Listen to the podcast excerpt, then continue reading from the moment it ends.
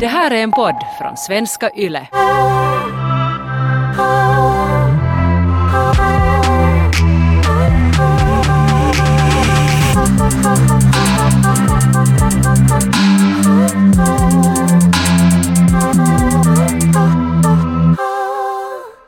För några år sedan när jag satt i bilen med mitt ex så körde han lite hårt där i en kurva före vi skulle stanna och sen så sa jag till honom att kan du snälla köra lite långsammare?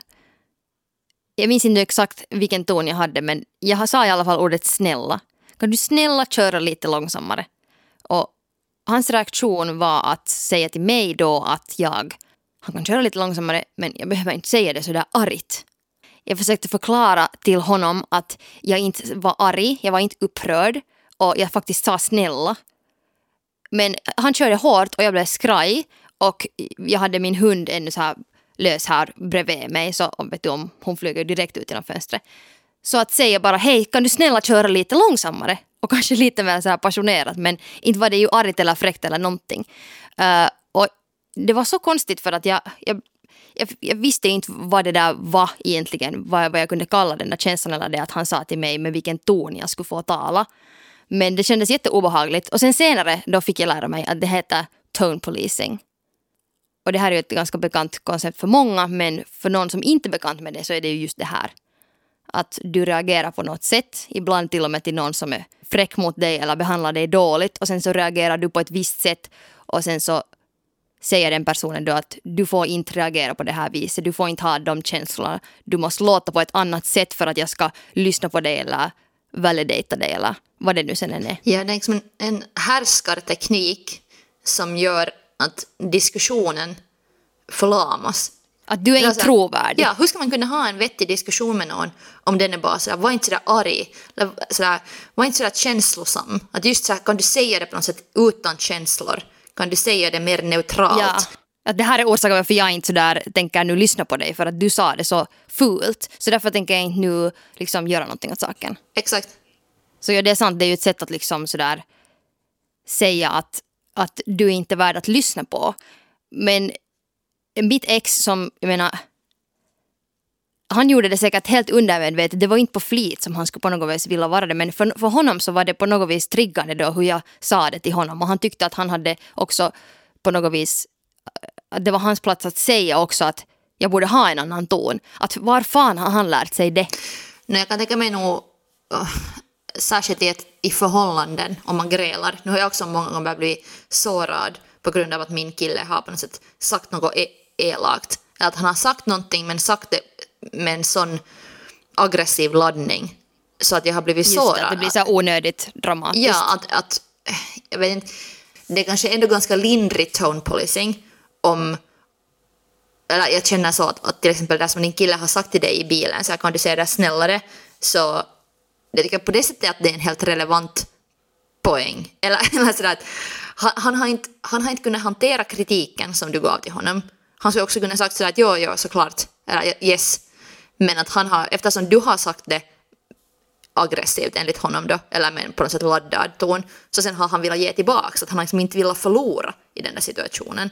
Just det. Att kanske det just... Men det här var ett jätte vanligt, eller det här var inte ovanligt i vårt förhållande och just det att, att jag då inte egentligen fick bli så arg alls mm. utan att helst skulle jag att, att det var inte tydligt att varje gång jag till exempel blev passionerad, till och med om det var en bra diskussion, så om jag blev passionerad och började tala fast med lite högre röst eller lite snabbare, så då var det gärna såhär wow, wow, wow, liksom att nu först måste du lugna ner dig eller sen typ att jag tänker inte tala med dig. Så att det kändes bara väldigt sådär, även om det här, ja det är ganska lindrigt, men det är ändå på något vis när det håller på väldigt ofta så är någon såhär att app, app, app, app, nu ska du inte bli för upphetsad. Yeah, okay. Att du, någon hela tiden så stoppar dig. Att hej, nu måste du chilla lite.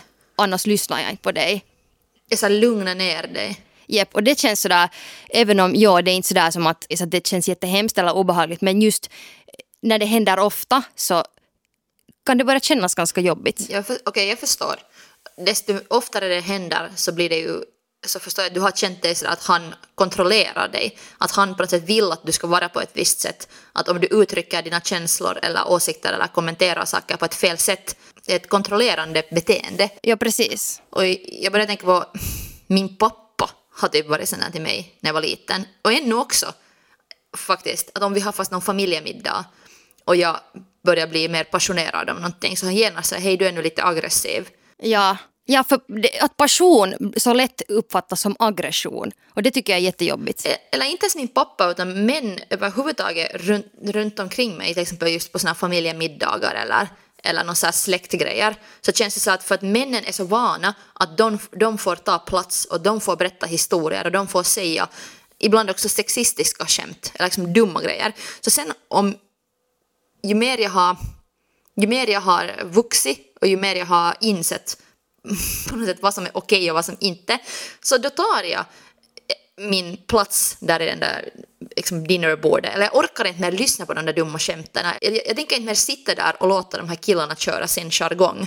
Så då, om jag har sen sagt mina åsikter eller liksom blivit mer frustrerad eller till och med arg för att de har betett sig dåligt så då har jag tystats ner sådär hej nu är du aggressiv eller nu, bet nu beter du dig dåligt och det där är någonting så frustrerande för att de, då gör de mig till problemet när det är deras sexistiska attityder och skämt som har varit det egentliga problemet.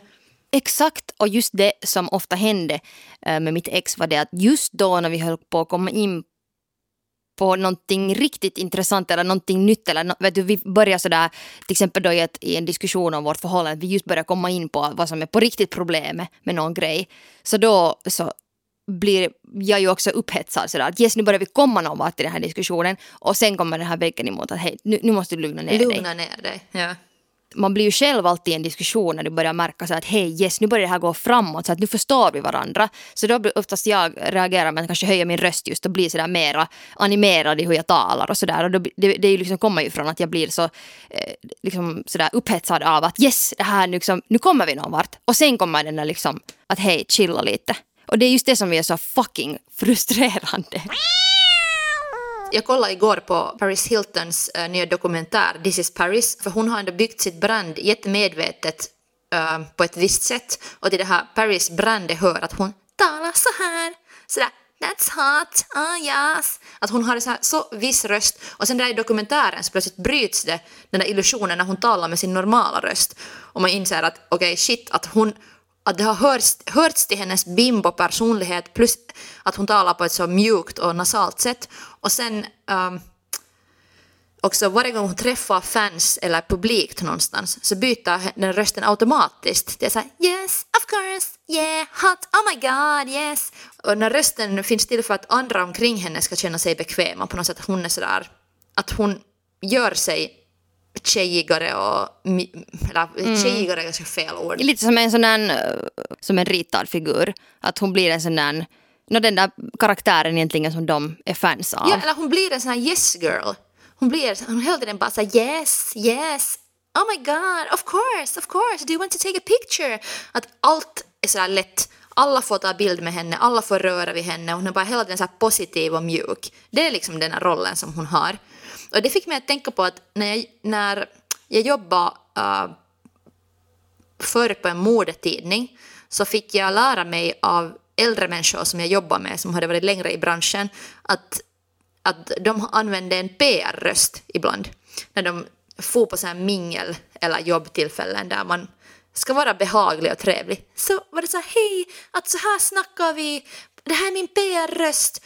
Och det var lite ett skämt, men det var egentligen inte ett skämt för det var en röst de på riktigt använde. Och jag märkte att jag började, ja. an, jag började använda den också, särskilt om jag svarade i telefon och skulle sköta någon ärende så gjorde jag mig till en så mjukare, positivare, mer på något sätt lättåtgänglig kvinna. För att man var Ja. Hej såklart, oh my god, så cool, absolut, vi gör så här, oh my god, ja, ja, ja. Att det, var den, det var den där Paris Hilton-rösten som vi alla tog som vår PR-röst, som liksom blev vår professionella röst, vilket är helt stört. För att vi skulle kunna vara så professionella som möjligt så tog vi en sån där yes girl-röst. Det där är någonting som jag till exempel när jag skriver mail så um, där blir det väldigt så tydligt. Speciellt när jag ska skriva på finska. Det är alltid svårt för jag tänker alltid på det att tänk om jag låter för arg nu eller tänk om jag låter för snäll nu. Att jag kan inte låta som en jävla loser. Att, sådär, att hur jag på något vis, jag är så medveten om hur jag ska låta i ett mail för att jag har också haft så många erfarenheter där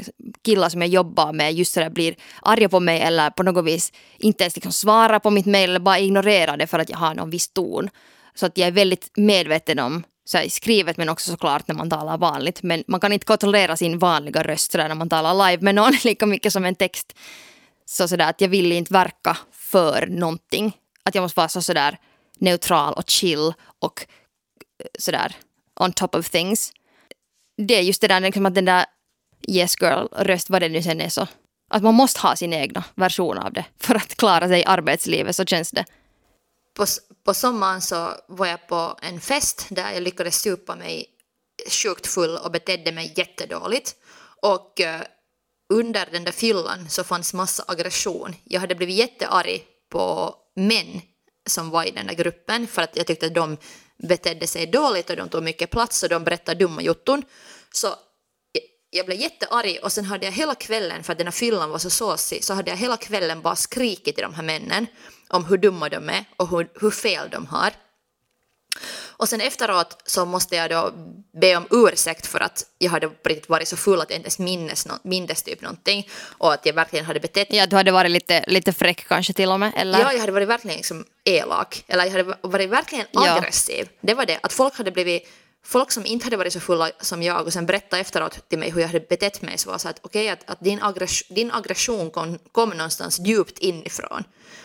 Och mm. efter att jag hade sen bett om ursäkt av alla som var där och var så här sorry att, att jag, jag betedde mig jättedåligt så började jag fundera, och, fundera på min aggression, analysera det här, varifrån kom all den där ilskan. Och sen ju mer jag snackade om det med mina kompisar så märkte jag att det var så skönt för att jag skämdes så mycket över att jag hade såklart varit så full men också att jag hade varit så plötsligt så arg och att jag oftast brukar ändå vara mm. ganska snäll och mjuk. Att det... Ja, du är nog aldrig på något vis sådär ens snorkig eller fräck mot någon. Du är alltså jättesnäll med alla människor. Att du vill få alla att känna, dig, känna sig jättebekväma. Det är ju helt sådär jag skulle aldrig tänka mig att du skulle bara explodera. Så, nykter bara bli sådär, ah vet du, du suger. Ja, no, det finns nog människor i min nära omgivning som, som vet att jag kan vara också elak. Som får se den ja, sidan som, också. Ja, Men vanligtvis så det, det är jätteotippat att du skulle stå och skrika yep. till någon. No, oftast försöker jag ändå mer och mer ha min PR-röst och vara sådär nice, men nu hade jag på något sätt lagrat upp så mycket ilska att sen kom den bara fram. Men det handlar mycket om, på den här festen om det att, att uh, det var just i början av sommaren när jag äntligen hade vågat mig ut lite med kompisar efter en lång vår av så coronakarantän. Så jag hade inte mm. riktigt sett någon, så det hade också, också en sån social um, laddning och social ångest. Kanske jag känner mig också kanske lite ovan med att vara med mycket folk plötsligt. Och sen, sen märkte jag att i den här gruppen som vi umgicks så fanns det vissa män som bara naturligt tog så mycket plats och bara, bara på något sätt no, tog så mycket plats och, och var inte så hänsynsfulla mot andra utan bara körde sin egna show så att jag blev sådär, nu jag tänker också göra så här.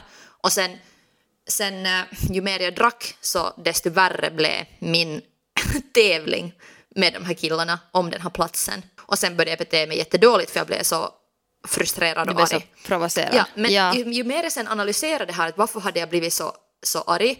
Um, och för att jag vet varför jag blev så full. Jag blev så full för att jag ville undvika kontroll och det kändes sådär skönt att bara kunna släppa loss. Men också det att ju argare jag blev desto mer drack jag också för att inte, jag tror inte jag skulle våga vara sådär arg när jag är nykter. Då ska jag kanske svälja, ja. svälja den där ilskan men det kändes skönt på något sätt att släppa ut allting. Ja, och då har man ju också när, eller när du är arg så har du också mycket adrenalin sådär att du kanske, man så här dricker nu för att man ska bli så här lugnare egentligen i stunden men sen blir man ännu så här, ännu mer uppeggad. Yep. No, men sen, sen blev jag bara helt hysteriskt full och uh, skämde ut mig och betedde mig dåligt. Men sen när jag talade om det här med mina kompisar så det var, det var så skönt när ett par kompisar, kvinnliga kompisar, lyssnade på min story och var sådär Nej men vet du bra, bra att du blev sådär arg och bra att du betedde dig sådär dåligt, att nu får man ibland reagera. För att jag bad om, jag bad om ursäkt också, förlåt för att jag var så reaktiv. Att förlåt för att jag bara så explodera och förlåt för att jag betedde mig så dåligt. Och såklart, ingen, liksom, det är inte okej att bete sig dåligt men hur skönt var inte Ibland att händer det. ja, sen, sen eftersom jag hade så mycket ilska som hade byggts upp inne i mig så det hade velat ut och sen, sen det att, no, att, att vissa av mina vänner förstod den ilskan och var sådär att, men vet du, att ibland måste man få reagera och bra att du sa ärligt och bra, bra att du blev arg. Så det kändes också jätteskönt för sånt där finns ganska lite. På det sätt man mm. uppmuntrar kvinnor till att vara arga. Att det är just mer så här lugna ner dig och nu är du lite för arg och nu, nu ställer du till med en scen och sådär. Fast jag hade betett mig dåligt så var jag jättetacksam för de här mina några vänner.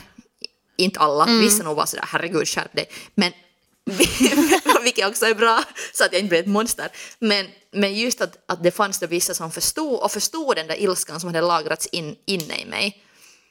Ja, för det är just det som känns så jobbigt då när det känns som att uh, man inte blir hörd i en diskussion eller någon som bara liksom inte förstår att man liksom inte kommer vidare i en diskussion och det blir jättefrustrerande. Så... Om man ständigt känner att man måste kämpa för att få utrymme och för att få tala, så nu blir man ju frustrerad. Jepp.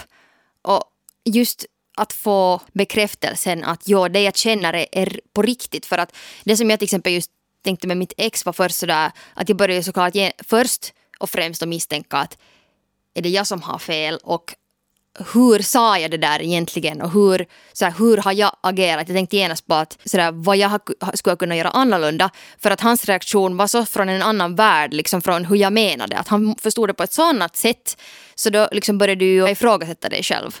Och det är det som är så där jätteskrämmande just när du, någon och inte bara vet du, mitt ex men såklart jättemånga människor gör det här, eller män nu först och främst, så där, vaktar din ton. Så du blir också så osäker på dig själv och hur du egentligen talar och vad du har sagt hur någon annan tar det du säger och hur du talar.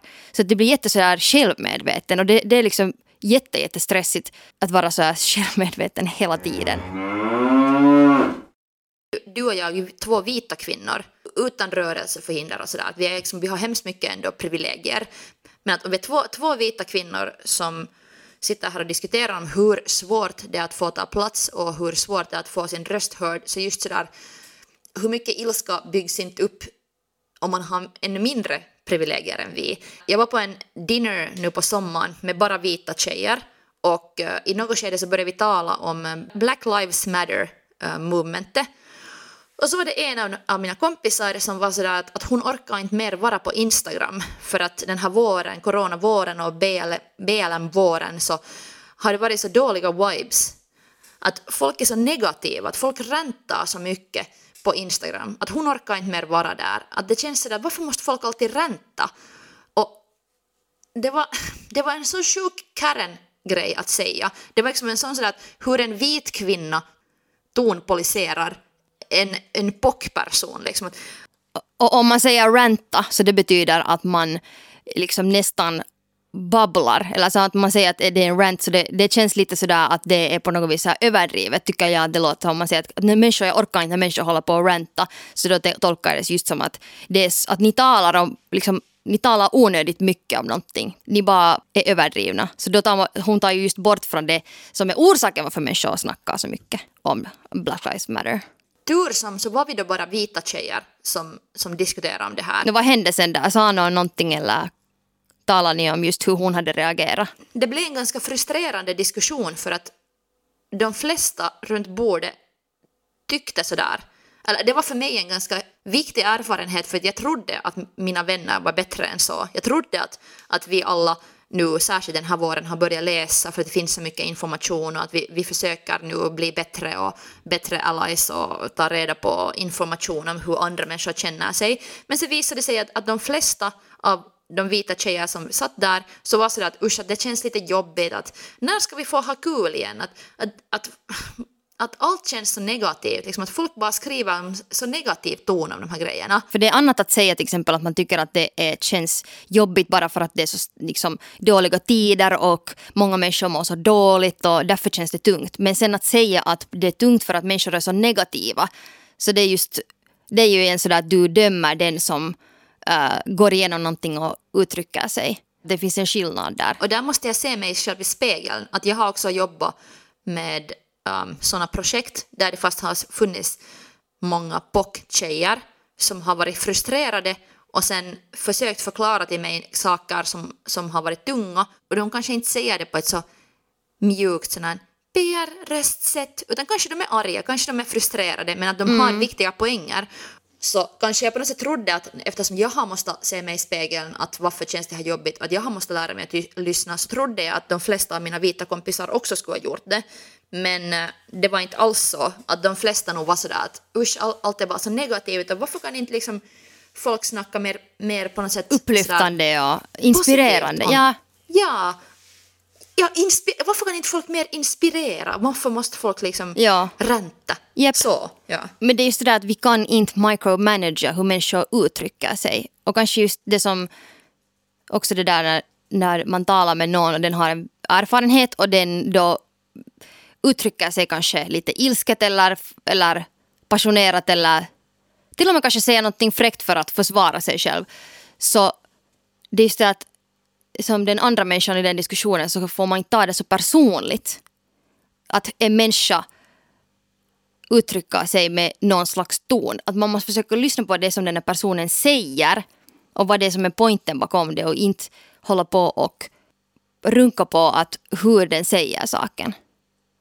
Jag tror att det är liksom någonting som i alla fall jag försökte säga till mitt ex jättemycket var det att lyssna på vad jag säger. Och den meningen i bilen som jag sa var kan du snälla köra lite försiktigare. Det är en, liksom, där är allt du behöver veta. Men hans tolkning gick över det. Det var en egen tolkning av liksom, min ton. Men det är svårt i stunden om någon talar med dig och den verkar arg eller den liksom, dens ton är så här arg. Så då blir man ju sådär sårad. Men ton är är jätte sådär ändå, det påverkar en hur människor talar men man måste kanske försöka att vara kritisk också. Att var, varför, får, varför, varför känner jag så här nu, den här människan har den här tonen? Varför tänker jag så? Ja, varför känner jag mig hotad? Varför kände, din kille, varför kände din kille sig hotad där i bilen för att du hade en viss ton? Varför kände sig mina vita tjejkompisar hotade av att uh, bockaktivister har en viss ton på Instagram? Liksom, borde man inte då mer och mer tänka sig att okej, okej, varför har den här människan en viss ton? Eller Solange har den här ena fina sången som heter Mad med typ Lil Wayne där hon sjunger så här, You ask me why I'm so mad. Well, I have so much to be mad about. Och det där är just att den som lyssnar och blir hotad borde just mer tänka sig att okej, varför, att, vad, vad fanns det i din röst som gjorde dig kanske lite laddad? Det att du var rädd för att, för att ni körde så fort, det är för att du kände dig hotad. Varför kunde inte din kille då ha, för att göra dig trygg bara vara så här, såklart, Exakt. såklart. Jag tror att det just händer då när man inte har den tankeprocessen att man ifrågasätter sådär att varför jag känner så här. Och det är ju det som händer med många män, att de inte just har en viss sån emotionell intelligens som många kanske tjejer och uh, non-binary människor eller transpersoner som har helt andra, en annan liksom point of view och måste tänka på sina känslor mera. Men killar, många killar har inte. några grejer som vi har följt med nu förra veckan um, som har liksom snudd, snuddar vid eller handlar hemskt mycket om tone policing. Så en är det här Nationalteaterns case med pjäsen Allt, Allt om min mamma som ska ha premiär helt snart. Och det blev ju en stor diskussion förra veckan om att är det okej att Janne Reinikainen som är en cis-man spelar en av de här rollerna som i ursprungsfilmen är en transkvinna eh, mycket av den diskussion som jag är bara så besviken på är hur människor har reagerat så att de transaktivister och de, de aktivister och människor som har blivit sårade eller upprörda över att Janne, den här mannen, ska spela den här transkvinnarollen så har varit så att ja, nu, nu det här är en sån här bevis om cancel culture, eller liksom att, att aktivisterna använder fel termer och sen sen får någon skådis sparken. Varför börjar de här transaktivisterna så argt nu här liksom ranta? Ja men det där är också jätte, så här, någonting som jag har hört jättemycket. Att, att, att jättebra poäng men om du skulle säga det lite snällare Ja. så skulle det liksom gå mycket längre. Och det som jag också har när jag har haft just managers, vi har suttit där och funderat på så här, typ hur hurdan jag är som artist och mitt brand och så här. Och då blev det väldigt tydligt också att när jag just hade, eller vi snackade bara om det att, att vad det är som jag sjunger om och det de hade många låtar om feministiska frågor. Så då så snackade vi om hur jag skulle vara i intervjuer. Det här är så sjukt redan nu när jag talar om att vi har ens, ta, jag har ens haft någon management som ska kontrollera någonting som jag säger i intervjuer. Men no, hur skulle du då svara på de här frågorna? Liksom har de då frågat mig? Och sen har jag ju sagt att, vet du, ja, jag tänker definitivt liksom sådär som en aktivist så tänker jag använda min plattform, för att, plattform till att snacka om den här saken. Också intervjuer om mina låtar. Och då var mitt dåvarande manager sådär att, att, att nej, att vi vill, du, kan inte liksom, du kan inte vara en arg kvinna. Mm. Det är inte någonting som publiken tycker om. Ja, det är osexigt. Jepp, att det är inte sexigt. Jepp, det är osexigt och du måste först vara sådär liksom, vet du, cool och nonchalant och sen först kan du börja snacka om saker vet du, någon gång mycket, mycket senare. Så då, din, din förra management har velat mer styra din image, att du ska vara med den här Paris Hilton-figuren eller med den här PR-rösten. Att du ska mer vara så, yes, of course, of course, oh my god, of course, oh my god. Men det här är nog den här liksom ideala kvinnobilden, att man ska vara så där jävla nonchalant och sådär Paris Hilton hela tiden. Att just då när du har lite mer att säga eller lite mer passion i din röst så då, då är det någonting som är lite fel på dig. Att du passar inte in i den här kvinnobilden så de förstår inte dig. Så de är bara så att äh, error, att nu liksom stopp, sluta tala. Ilska och åsikter ger ju också så mycket kraft. Ah, jag funderar fast mig själv när jag var yngre, att skulle jag ha på något sätt fattat att det är okej att bli frustrerad, det är okej att bli arg i diskussioner, i intervjuer, så skulle jag ha kunnat också vara en mycket mer självsäker och kraftfull person. Att jag, har, jag har försökt i flera situationer alltid käm, skämta bort grejer eller på något sätt uh, vara härlig eller rolig för att, för att inte verka aggressiv eller, eller skrämmande. Och sen i efterhand till exempel när jag lyssnar på sådana intervjuer eller läser sådana grejer som, som jag har själv sagt någon gång där jag blev arg, att jag minns att jag har blivit, blivit frustrerad, så då har jag egentligen kanske först varit ärlig eller varit stark på något sätt. Att, Japp. ehm, När du är ärlig just då, säga som det är. Då uttrycker du ditt sanna jag. för att istället för att eh, vara snäll eller på något sätt eh, behaglig så har jag sagt hur jag känner. Och sen efteråt också, om, det först har varit någon radiointervju eller podd eller någonting, att jag har kunnat lyssna på den i efterhand. Och sen när jag hörde så herregud, att jag var ändå jättesnäll. Att det har bara känts inom Ja, mig. Att det har bara känts inom mig som att okej, nu är jag jättefräck för att jag säger det här på något sätt. Inte, inte sådär ja såklart, yeah, yeah, utan säger det på något sätt mer som jag känner det. Ja. Så har jag känt mig jättefräck. Utan att tänka på hur du ska säga det. Ja, att jag har också liksom internaliserat någon slags tonpolis i mig som hela tiden försöker Absolut, styra samma mig. här. Ja. Det- Jag börjar fundera så att, att vad ska vara så här pro-tip för någon som kanske inte riktigt förstår att varför någon skulle säga att den tonpolisar. Så har du några så här fire round tips? Hur kan man lära sig att lyssna bättre? Ett, ett tips är att lys- börja följa Vihaiset tytöt på Instagram. Ja, Har du, följer du ännu? eh, nej, jag följer inte. Vihaiset tytöt, alltså arga flickor, är ett Instagramkonto som hålls av Nella Kukka och ehm, det kommer att också bli en tidning nu, en media, att det här kommer att växa fram liksom, mer till ett medium. Så det lönar sig att följa dem ehm, för att här finns mycket mycket sån girl power som jag tror på. Och sen en, ett annat tips är att eh, lära sig om Riot Girl-rörelsen.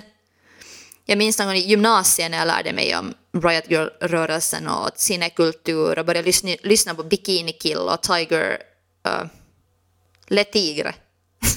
Bra Ja. När jag började lyssna på Bikini Kill och Le Tigre så sprängdes min värld lite. Så, ah, vitsigt att, att tjejer får också vara som arga punkare. Eller på något sätt, det, det finns så mycket rätt sorts, rätt sorts energi där. Och sen i något skede kanske jag lite glömde den här Riot Girl-kulturen och dök in i någon slags blogg-influencer-värld istället som är jättefylld av PR-röster och, och behagliga personligheter.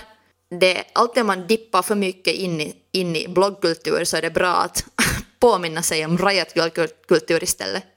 Okej, det är jättebra. Det är som en liksom så ett rep som man kan så här, ta sig i land igen från influencer-bloggar-världen. Är så antidote, bikini kill.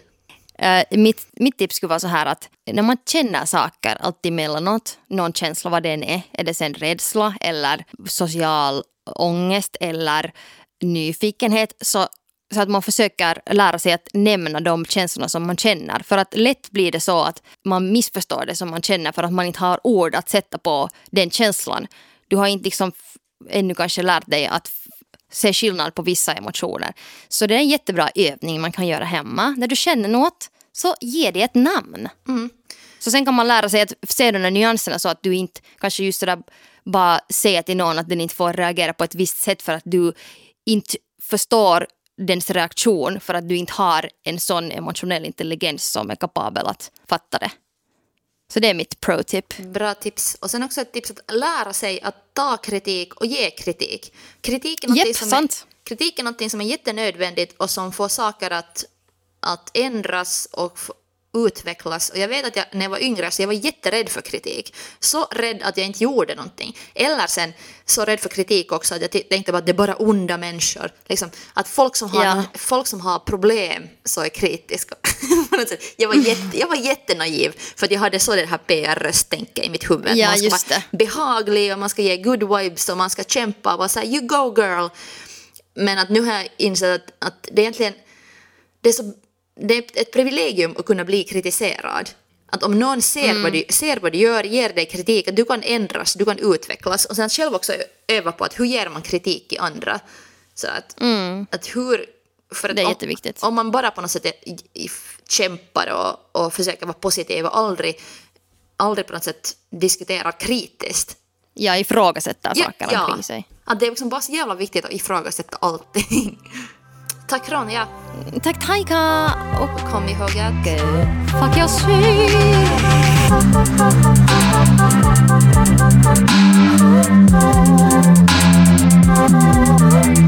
Thank